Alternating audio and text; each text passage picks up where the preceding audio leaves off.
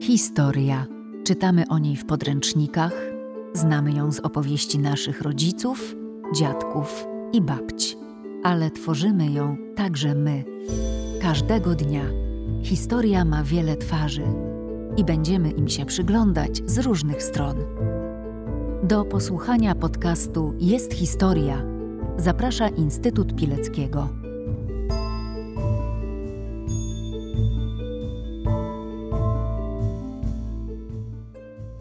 Odcinek czwarty. Co kręci filmowców?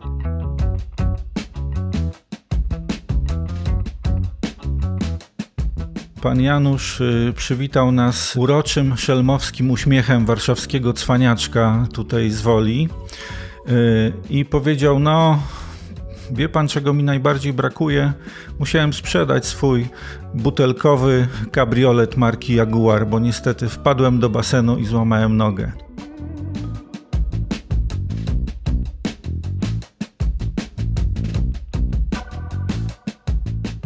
Jest człowiek, który, ja nie przesadzam, o nim powinno powstać tysiąc filmów. Zresztą, y, żeby nie być gołosłownym, mm, wiem, że po tym jak on wydał jedną ze swoich książek, y, do niego odezwał się nawet Roman Polański.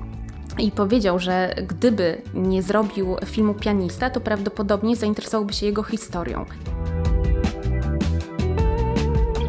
Mieliśmy raz sytuację, że przyjechaliśmy do pani i wchodzimy już do tego, do tego salonu, gdzieśmy mieli nagrywać, a tam, a tam papuga sobie siedzi na, na framudze. No i ja tak, ja tak mówię pani, że na tę papugę to fajnie byłoby może do klatki. A pani na to, ale ja nie umiem. Odcinek czwarty podcastu Instytutu Pileckiego i dzisiaj w serii Jak oni pracują zaglądamy do działu filmowego. Jest ze mną Wojciech Saramonowicz. Dzień dobry, dzień dobry. Dzień dobry. Kierownik działu filmowego, ale już na wstępie chciałabym zaznaczyć, że nie tylko kierownik działu filmowego będzie się wypowiadał, ale też inni pracownicy. No ale wiadomo, Cały dział. kierownik musi zacząć. Skąd to się wzięło, że Instytut w ogóle powinien mieć dział filmowy? Dwa lata temu, ponad dwa lata temu, pan dyrektor wezwał mnie i powiedział, a od dzisiaj będziesz robił wywiady. To jest pomysł, który ja miałem jeszcze dużo wcześniej, żeby robić wywiady razem z Grześkiem Czerniakiem. Mieliśmy taki pomysł. Pomyśleliśmy, że fantastyczną rzeczą jest mm, budowanie takiego zbioru relacji historii mówionej. E, No ale jakoś to tak, jakoś tak przeszło bez echa. Tłumaczono nam, że i tak mamy dużo dokumentów pisanych, z którymi ciężko jest sobie poradzić, żeby je opracować, a tutaj jeszcze dodatkowo mm, takie materiały z historii mówionej.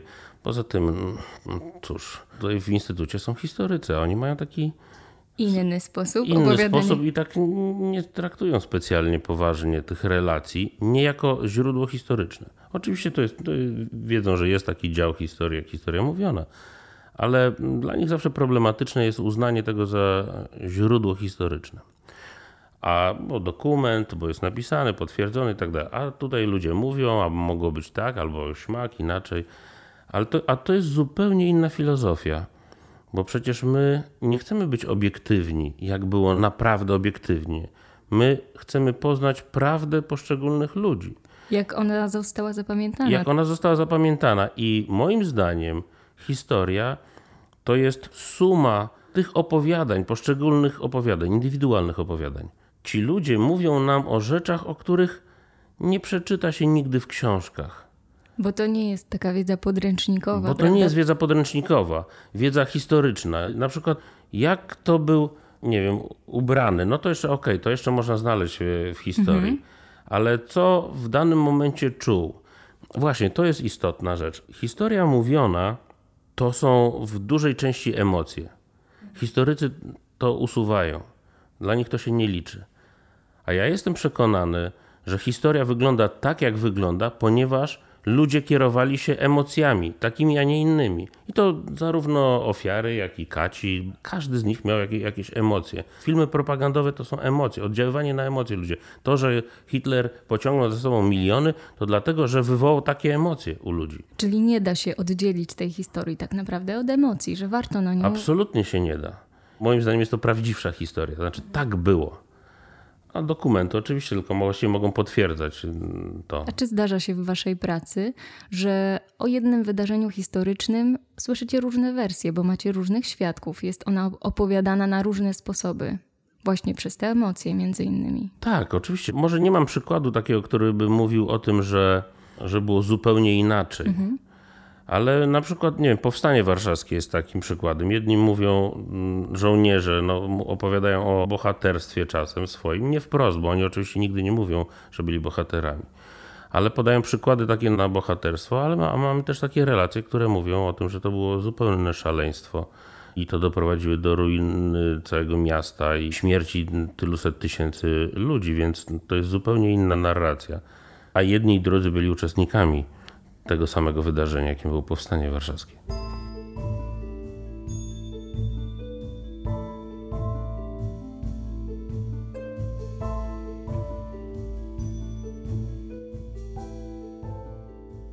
Wróćmy do tego momentu, kiedy dyrektor Instytutu mówi: Robimy dział filmowy. No i co, robimy co dział wtedy? Filmowy. Co wtedy? Od czego zacząć? Bo robimy wywiady, ale z kim? Jak się do tego zabrać? Bo to jest gigantyczne przedsięwzięcie. To jest gigantyczne przedsięwzięcie, nawet nie wiedzieliśmy, że aż tak duże. I na początku postanowiliśmy robić we dwóch, to znaczy ja i Grzesiek Czerniak, postanowiliśmy zacząć dzwonić do ludzi i robić wywiady. Zaczęliśmy Ale szukać. do ludzi według jakiegoś klucza? Kluczem jest tutaj PESEL. To znaczy, jak ktoś się urodził w 25 roku na przykład, no to jest duża szansa, że, że będzie pamiętał wojnę. Aha, jeszcze jedna rzecz. Przyjęliśmy od razu na początku, że będziemy nagrywać wszelkiego rodzaju historie, o całej historii Polski. Znaczy mhm. całej, no. Tej takiej, której możemy znaleźć świadków. Czyli nie tylko wojenne, ale i powojenne historie, bo żeby to było również o opozycji demokratycznej, o, o wydarzeniach na wybrzeżu, o Solidarności. Tak jak, jak czym się powinien zajmować Instytut, znaczy tym przedziałem mm, czasowym.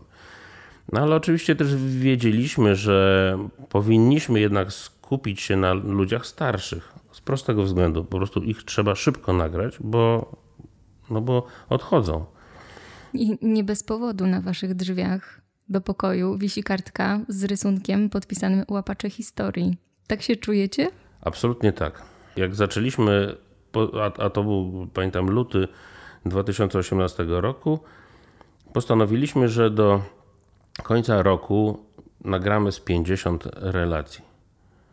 Ale jak zaczęliśmy tak robić, to te relacje, zaczęliśmy zapraszać innych ludzi do współpracy, bo wiedzieliśmy, że we dwóch nie jesteśmy w stanie tego nagrać. Oczywiście 50 przez tam 10 miesięcy moglibyśmy nagrać, ale to jeździmy po Polsce, może nawet po świecie. No, cały czas mamy dużo roboty, ale to jest i tak za mało. Więc zaprosiliśmy inne osoby do, do tego, żeby też przeprowadzały wywiady. I efekt był taki, że do końca roku 18 nagraliśmy 400 relacji. Mnóstwo roboty. To jest bardzo dużo pracy. Ale to właściwie, jeśli mówisz, że to było 400 relacji, to więcej niż jedna na dzień w ciągu roku. No tak, bo tych współpracowników okazało się, że mamy ponad 20 osób. Czyli dział filmowy dzisiaj to jest ile osób? W naszym dziale pracuje 5 osób, ale mamy jeszcze takich pracowników etatowych, instytutowych, ale mhm. oprócz tego pracują trzy osoby, które kolaudują. To, to są nasi współpracownicy. Do tego mamy ileś osób, które w Polsce nagrywa mm, dla nas te wywiady. Bo tu jest jeszcze jedno istotne zastrzeżenie. Otóż do nagrania potrzebne są dwie osoby: dziennikarz i operator, mhm. ponieważ to jest nagranie wideo również. Tak?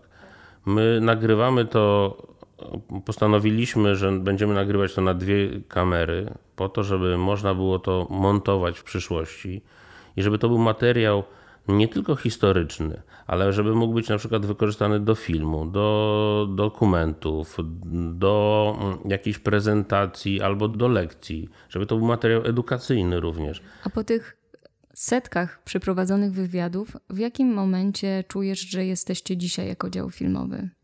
Przez te dwa lata nagraliśmy blisko 1300 relacji, takich świadectw. To jest potężny zbiór. My mamy właściwie historię o wszystkich wydarzeniach drugowojennych. O losach polskich oczywiście mhm. mówię. Czyli my mamy ludzi z okupacji niemieckiej, okupacji sowieckiej, ludzi wywiezionych, więźniów obozów, łagrów, żołnierzy, cywilne osoby. Tego jest bardzo dużo. I właściwie na każdą, że tak powiem, okazję mielibyśmy, mamy jakąś historię. Kopalnia wiedzy. To jest kopalnia wiedzy. Można siedzieć teraz godzinami, miesiącami i to przeglądać i słuchać, bo to są absolutnie fascynujące opowieści. Ale wasza praca to właściwie nie tylko te wywiady. Co jeszcze dzieje się w dziale filmowym? My z tych wywiadów robimy filmy sami. Mhm. Mm, ale też udostępniamy różne materiały innym jakimś podmiotom albo, albo twórcom, którzy przychodzą tutaj i, i zaczynają to oglądać. Niedawno był Paweł Pawlikowski, który przygotowuje się do nowego filmu o, o, o powstaniu i szukał materiałów. Przyszedł, oglądał, był bardzo zaciekawiony tym, co mamy. Czyli filmowcy mogą liczyć też na realne wsparcie oddziału filmowego Instytutu. Tak, jak najbardziej, jak najbardziej. No, to jest właśnie jeden z celów mm, tego, mm, tego działu, żeby to były materiały, które będą służyły ludziom. A powiedz coś więcej o tych waszych filmach. My stworzyliśmy kilka filmów już. Pierwszy taki film, który mm, zrobiliśmy w zeszłym roku, nazywał się A więc wojna. I to był materiał o wybuchu II wojny światowej. Do współpracy zaprosiliśmy Filmotekę Narodową, i bo ja tam znalazłem w tej filmotece materiały, które nigdy nie były zdigitalizowane, a to były materiały e, Polskiej Agencji Telegraficznej i dodatkowo materiały, niemieckie materiały z września 1939 roku, które nagrali Niemcy, a które nie weszły do takiego propagandowego filmu mhm. Feldzug in Polen. To były tak zwane ścinki z tych materiałów. Okazało się bardzo ciekawe, bo to I są... udało się coś I, to, i, my, z i Instytut sfinansował digitalizację tych materiałów i razem zrobiliśmy e, film. Mm, jakby w połowie jest, to jest opowieść o ostatnich mm, dniach e, pokoju, lato 1939 roku i początek września, jak, jak się wojna zaczęła. W warstwie filmowej są to te materiały właśnie archiwalne, a w warstwie takiej narracyjnej są to relacje naszych świadków, których nagraliśmy. E, I wydaje mi się, że powstał dosyć ciekawy film. A z jakim odzewem się spotkał? Zrobiliśmy takie pokazy premierowe, trzy, i tam bilety rozeszły się momentalnie. Wysłaliśmy ten nasz film na jakieś e, festiwale, ale ponieważ wszystko zostało przesunięte, więc na efekty czekamy. Ale nasz dział edukacyjny e, uznał, że jest to niezwykle ciekawy materiał edukacyjny. W związku z tym opracowuje to jeszcze mm, pod względem edukacyjnym. Niektóre rzeczy trzeba wyjaśnić młodym ludziom i żeby można było przygotować taki pakiet właśnie edukacyjny o początku wojny. A czy jeśli ktoś teraz słucha naszej rozmowy, to może sobie szybciutko gdzieś znaleźć w internecie ten film? Czy jest na kanale, czy on jest mm, niedostępny? Ten, ten, ten film nie jest jeszcze dostępny, ale to głównie ze względu na naszą umowę z Filmoteką Narodową, która jest współwłaścicielem tego, mhm. tego filmu. Chciała to umieścić najpierw w telewizji a potem równolegle na swoim kanale i na naszym. Wtedy będzie Czyli dostępny. czekamy cierpliwie. Tak, tak, na to czekamy. Natomiast teraz zmontowaliśmy taki film, który się nazywa e, Nazajutrz. To jest opowieść o końcu wojny. Mhm. I bo wojna się skończyła, ale dla wielu ludzi problemy się za, zaczęły, zaczęły na, na mhm. nowo. Dla Polaków to był wielki problem na nowo. Wojna się dla nich nie skończyła w maju 1945 roku i ona dalej trwa. I to jest właśnie o tym. To po raz kolejny pokazuje, że to, co czytamy w podręcznikach, ta wiedza taka historyczna, fakty, że koniec wojny to jest ten i ten rok, to, to że wcale tak nie jest, że te historie ludzkie wychodzą poza to, co jest Absolutnie. w podręcznikach. No właśnie, to, o, to jest dobry, dobry przykład na to, na różnicę między historią książkową a historią ludzi. Bo w książce można napisać, że wojna zakończyła się w maju 1945 roku. A okazuje się, że nie bo więźniowie wracali z obozów, bo nie mieli rodzin, bo wszystko było zniszczone, bo ludzie wracali ze wschodu, a żołnierze z zachodu nie mogli wrócić. No, historia się nie skończyła, właśnie się zaczęła. I o tym będzie film. Historia. I to jest właśnie, właśnie ten film.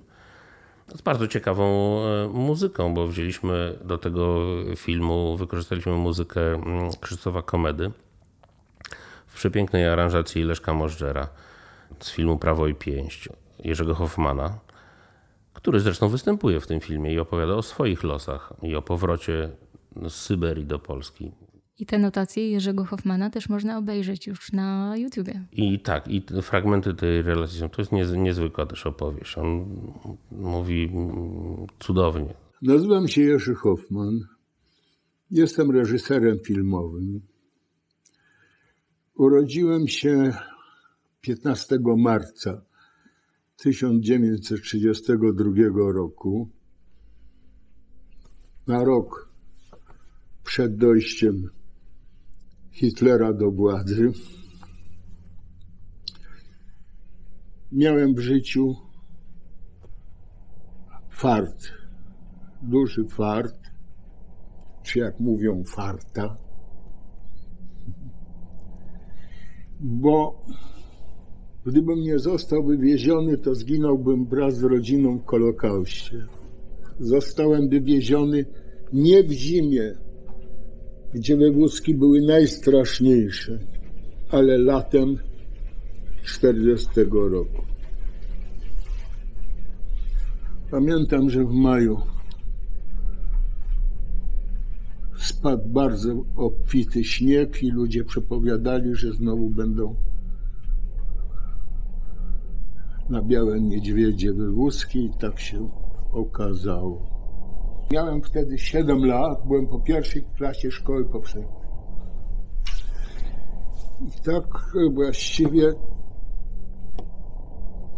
skończyło się moje szczęśliwe dzieciństwo.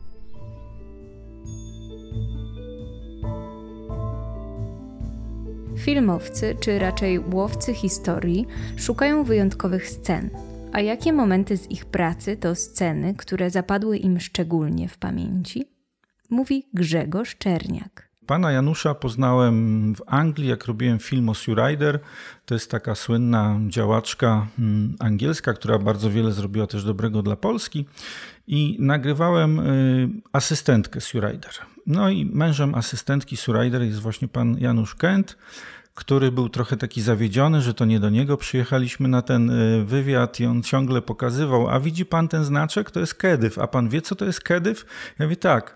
No i on ciągle próbował zaistnieć. Chciał zwrócić na siebie uwagę. Tak, chciał zwrócić na siebie uwagę i zwrócił bardzo skutecznie, bo w momencie, jak zacząłem pracować jeszcze dla Ośrodka Badań nad Totalitaryzmami, a później właśnie dla Instytutu y, Pileckiego, przypomniałem sobie o panu Januszu, zadzwoniłem do jego żony i powiedziałem, że chciałbym go nagrać. A, czyli to jest historia, która wróciła. wróciła tak, tak, tak. Y, I pan Janusz się zgodził bardzo chętnie. Y, pojechaliśmy do Anglii. Y, pan Janusz przywitał nas takim mm, no, uroczym, szelmowskim uśmiechem warszawskiego cwaniaczka tutaj z Woli i powiedział: No, wie pan, czego mi najbardziej brakuje? Musiałem sprzedać swój butelkowy kabriolet marki Jaguar, bo niestety wpadłem do basenu i złamałem nogę. Tak powiedział dziewięćdziesięciokilkulatek i zrozumiałem też, jak, jakie musiało być jego udane życie. Jest postać. Tak, jest postać i mm, pan Janusz opowiedział historię oczywiście niezwykłą. Tym, co najbardziej mi utkwiło w pamięci, było to, że on powiedział tak, wie pan, ludzie jak nie mogą usnąć, to liczą barany. A ja liczę te momenty, w których uniknąłem śmierci. I mówi, doliczyłem się 20. I te 20 momentów miał spisane na kartce. Jako inżynier po prostu miał swoje życie w punktach. I punkt po punkcie opowiadał mi to swoje życie. Największą atrakcją to było, jak tata mnie brał taksówką. Jechaliśmy do Śródmieścia. I w Śródmieściu tata gdzieś tam znikał. Nie wiem gdzie, co ale mnie zostawiał na rogu Marszałkowskiej jakiejś ulicy, gdzie było drewniane kino Gloria, o którym ja nigdzie nie widziałem żadnego wspomnienia. I to było kino, które wyświetlało tylko kowbojskie filmy. I my, chłopcy, ze naszymi spluwami, lataliśmy naokoło tego kina i strzelali, jak tam strzelali w środku, to myśmy strzelali na ulicy. I to była wielka frajda. Pierwsze takie spotkanie, które od razu przychodzi mi do głowy, to jest rozmowa z Józefem Walaszczykiem. Mm, to jest Sprawiedliwość wśród Narodów Świata.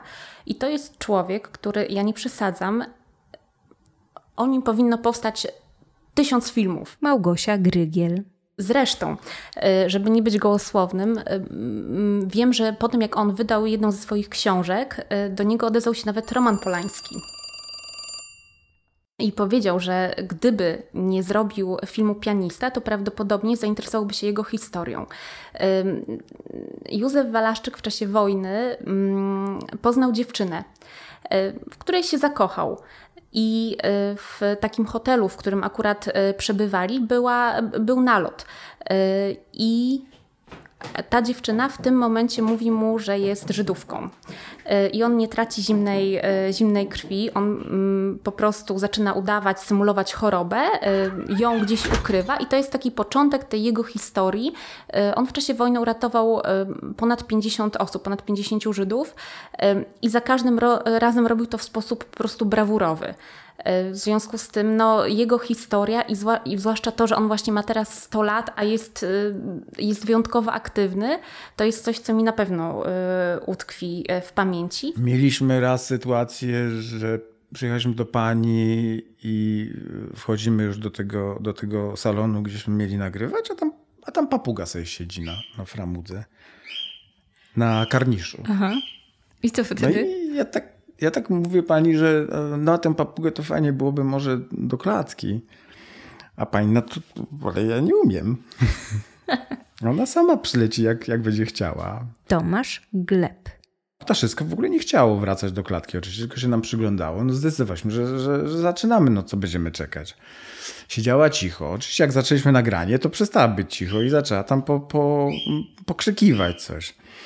Na szczęście szybko przestała, ale gdyby to trwało dalej, to musielibyśmy tego ptaka chyba tam po prostu odławiać. Nie wiem jak. Jeszcze mam jedną historię, która też na mnie zrobiła niezwykłe wrażenie. Robiliśmy wywiad z panią Marią Wittner. Pani Maria Wittner jest Węgierką i miała 18 lat w czasie rewolucji węgierskiej w 1956 roku. I za udział w, w rewolucji została skazana jako 18-letnia dziewczyna na karę śmierci. I tyle o niej wiedziałem.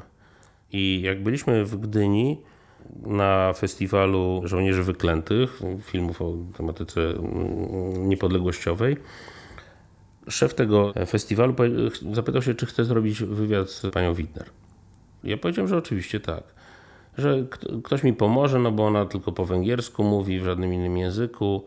No i rzeczywiście tak się stało, że był ksiądz, który normalnie pracuje na, na Węgrzech, więc zna węgierski i że on miał mi pomóc. Ja przyszedłem tam z, z pytaniami, a okazało się, że ksiądz nie ma czasu, więc on tylko przeczytał te pytania, powiedział pani Marii te pytania i uciekł. I zostałem, została pani Maria, ja, no i Grzesiek, który to kręcił. Jeszcze I... dodałabym, że zakłopotanie pewnie. No tak, i, i, no i teraz mm, nie wiedziałem, jak po, ja po węgiersku ani słowa. Pani Maria też w żadnym innym języku. No więc y, mm, posiłkowałem się Googlem i komórką i to dosyć dobrze działało, że mówiłem po polsku, to tłumaczyło na węgierski pani, i pani rozumiała. Ale pani zaczynała odpowiadać i zaczyna mówić swoją historię. Ja, ja rozumiem tylko co setne słowo jakiś telefon, pistolet, no to takie tam. Mm, podobne. Podobne, tak? Ale pani Maria zaczyna opowiadać o tym, jak została skazana po, e, po rewolucji na karę śmierci i jak ona wchodzi do celi śmierci. I, I ona mówi w to w taki sposób, że ja widzę wszystko w jej oczach. Każdy, e, każdą emocję ja widzę w jej oczach, że ona wraca do tamtego czasu i ona wchodzi do tej celi. I, ja, I ona tam jest i ja jestem z nią. I nie potrzebujesz węgierskiego. I nie potrzebuję węgierskiego. I ona ma łzy w oczach i ja mam łzy w oczach. I to jest w ogóle niebywałe. I ja przeprowadziłem ten wywiad, nie znając słowa po węgiersku, ale wiedziałem dokładnie o czym ona mówi. I potem w tłumaczeniu okazało się, że idealnie po prostu, to, tak jak ona, jak sobie wyobrażałem, o czym ona mówi, tak było.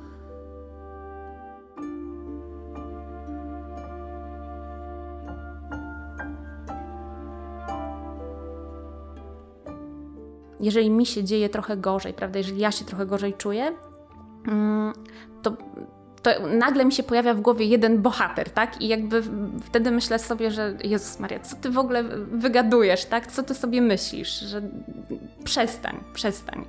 Mm, no i też są właśnie inspiracją do tego, żeby jak najdłużej e, zachować e, aktywność i cieszyć się tym życiem. Ja nagrywałam parę 90-parolatków, którzy są po Syberii, po, po e, Indiach, byli, byli w Indiach jako dzieci. Z Arią Andersy tam trafili i opowiada, oni mi powiedzieli coś takiego. Kochana, pamiętaj, do dziewięćdziesiątki wszystkie ważne podróże, bo po dziewięćdziesiątce zaczyna strzykać, więc ja mówię, dobrze zapamiętam.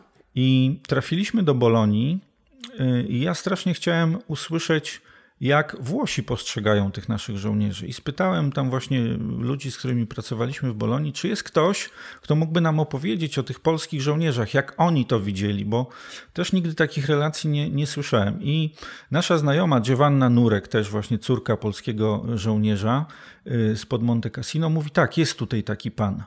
Jest pan, który y, przez 60 lat próbował zainteresować Włochów tą historią, że to jednak Polacy wyzwolili Bolonię. Bo jeśli jesteśmy w centrum Bolonii, to nie znajdziemy żadnego symbolu, żadnego znaku, mhm. że, że w ogóle Polacy tam byli. Polski cmentarz w Bolonii jest w zasadzie już poza miastem, pod lotniskiem. Ktoś, kto nie wie, gdzie on jest, to nigdy tam nie trafi. I ona mówi: Jest tutaj taki doktor Alberto Spadoni. Y, ja mówię, a czy możesz nas umówić z nim? Tak, mogę was umówić. No i następnego dnia już byliśmy u doktora Spadoniego i doktor Spadoni y, powitał mnie właśnie słowami 60 lat czekałem na ten moment, żeby móc komuś opowiedzieć tę historię.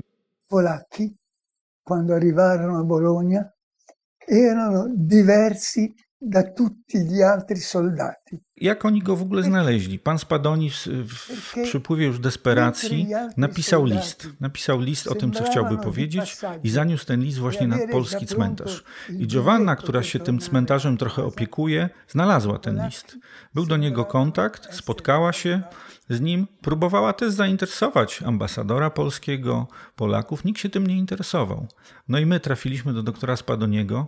Doktor Spadoni to jest niesamowita historia, sytuacja, kiedy dziewięćdziesięciokilkulatek zaczyna opowiadać historię z młodości. On się staje takim chłopcem, takim kilkunastolatkiem. Widać ten błysk w jego oczach, tą niesamowitą energię, tą prawdę, która bije z tej opowieści. Y, opowiedział, jak to widział, jak y, Polacy się odróżniali od innych aliantów, jacy byli szarmancy, jak byli bardzo podobni do Włochów, jak szybko zyskali ich y, sympatię. I na koniec pan Spadoni mówi mi coś takiego. Teraz mogę już umierać, bo wiem, że ta historia zostanie. A ty, kiedy słyszysz takie słowa, to, to co czujesz? Mam łzy w oczach. Po prostu gardło mi odmawia posłuszeństwa jeśli możemy mówić o satysfakcji z, z pracy, którą wykonujemy, a ta praca jest też moim hobby, to jest to niezwykłe. To jest to niezwykłe, bo mm, tego się nie da kupić w żaden sposób. Po prostu usłyszeć coś takiego. No. To jest y, przykład historii, którą dosłownie dwa tygodnie temu montowałem. Michał Miziołek. Jest to taka trzyczęściowa opowieść y, pana Marka Dunin-Wąsowicza, który był więźniem Pawiaka, potem był więźniem obozu Stutthof e, i opowiadał o Marszu Śmierci, o tym jak już y, Sowieci zbliżali się do obozu Stutthof i Niemcy po prostu wszystkich więźniów z tego obozu przepędzali na zachód e, i opowiadał o mieszkańcach Kaszub, którzy zupełnie bezinteresownie, z narażeniem życia, e, ryzykowali, żeby na przykład podać więźniom zupę. I kontrast z drugiej strony strażników, SS-manów, którzy tych więźniów, nazwijmy to, eskortowali, którzy robili wszystko, żeby e, tą pomoc utrudnić. Tak? Był podany przykład e, kobiet, które przygotowały zupę dla więźniów i SS-mana, który po prostu y, kopnął y, kociołek z tą zupą, wylał ją i więźniowie, którzy liczyli na to, że coś zjedzą pierwszy raz od wielu dni, po prostu musieli y, patrzeć na zupę, która wsiąka w śnieg. Ogromnie wzruszającymi sytuacjami są takie, kiedy wiesz, że człowiek, z którym rozmawiałaś, odchodzi. Ja miałam teraz przez okres pandemii dwie takie sytuacje. Byłam umówiona na nagranie mm, w lutym czy w marcu, w marcu z żołnierzem generała Maczka i z mm, członkiem AK. I musieliśmy odwołać te nagrania i później tylko dochodziły do mnie wiadomości, prawda, że, mm, że jeden y, i drugi y, zmarł i to było mm, bardzo nie, no ja się tego nie spodziewałam, tak i y, pamiętam, że jeszcze taką ostatnią rozmowę, którą przeprowadziłam z, z jednym z tych panów, to on coś takiego powiedział, ale my tego nie, y, nie, jakby nie rezygnujemy z tego, my to tylko przekładamy. Mówię, tak, tak, tak, bo to tylko ta, y, tylko ta pandemia i po prostu już nigdy się nie dowiem, co, co mógł i co chciał mi opowiedzieć, a miałam takie poczucie, że mu naprawdę na tym zależało. Więc to, to jest przykre.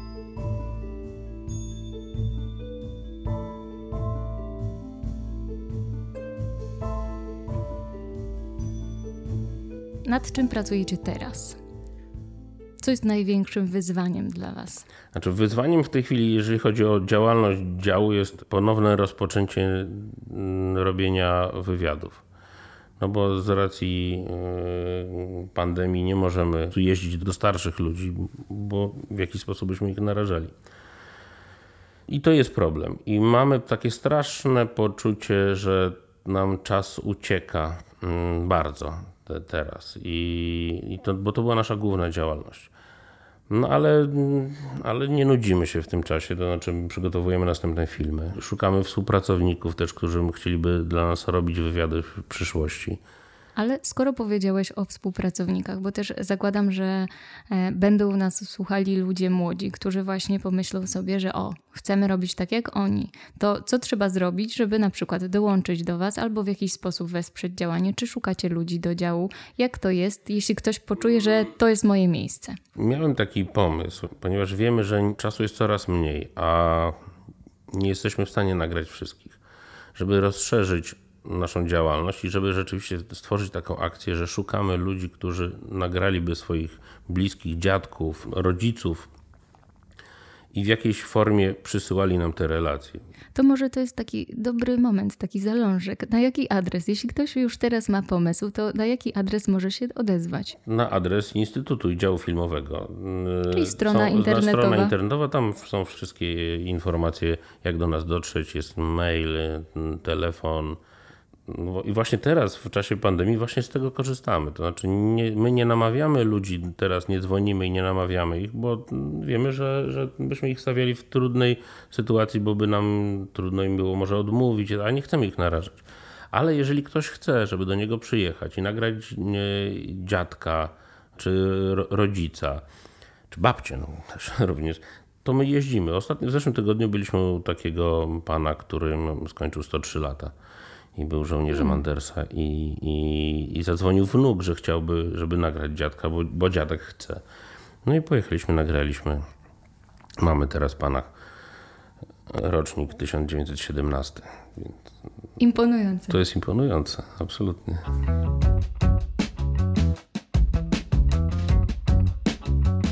No właśnie, a nie czujesz, że to jest syzyfowa praca? Że hmm. nagrywacie, nagrywacie, ale właściwie jest całe mnóstwo jeszcze do nagrania. No chwała Bogu, że jest. Bardzo dobrze. Czyli nudy nie ma. Nudy nie będzie absolutnie. Nie, nie. Jest coś takiego, że się nie chce, żeby to pokolenie odchodziło. Nie chce się, żeby ci ludzie po prostu, żeby, żeby ich nie było, bo oni mają tyle, tyle rzeczy do, do przekazania, tyle, tyle ciepła nierzadko. Historia jest tak bardzo potrzebna y, ludziom młodym, co pokazuje na przykład nasz kanał na YouTubie, który ma już prawie blisko 7 milionów wyświetleń, że główną grupą odbiorców to są ludzie młodzi przed 30. I to jest niesamowite, że oni chcą słuchać zwykłych, prostych historii pozbawionych fajerwerków, tylko gadające głowy, ale to są głowy, które opowiadają niesamowitą prawdę. Opowieści Jerzego Hoffmana, Janusza Kenta, Alberta Spadoniego, których fragmenty pojawiły się w tym odcinku, można posłuchać na kanale YouTube Instytutu Pileckiego Świadkowie Epoki. To podcast Jest Historia Instytutu Pileckiego. Zapraszamy do wysłuchania kolejnego odcinka.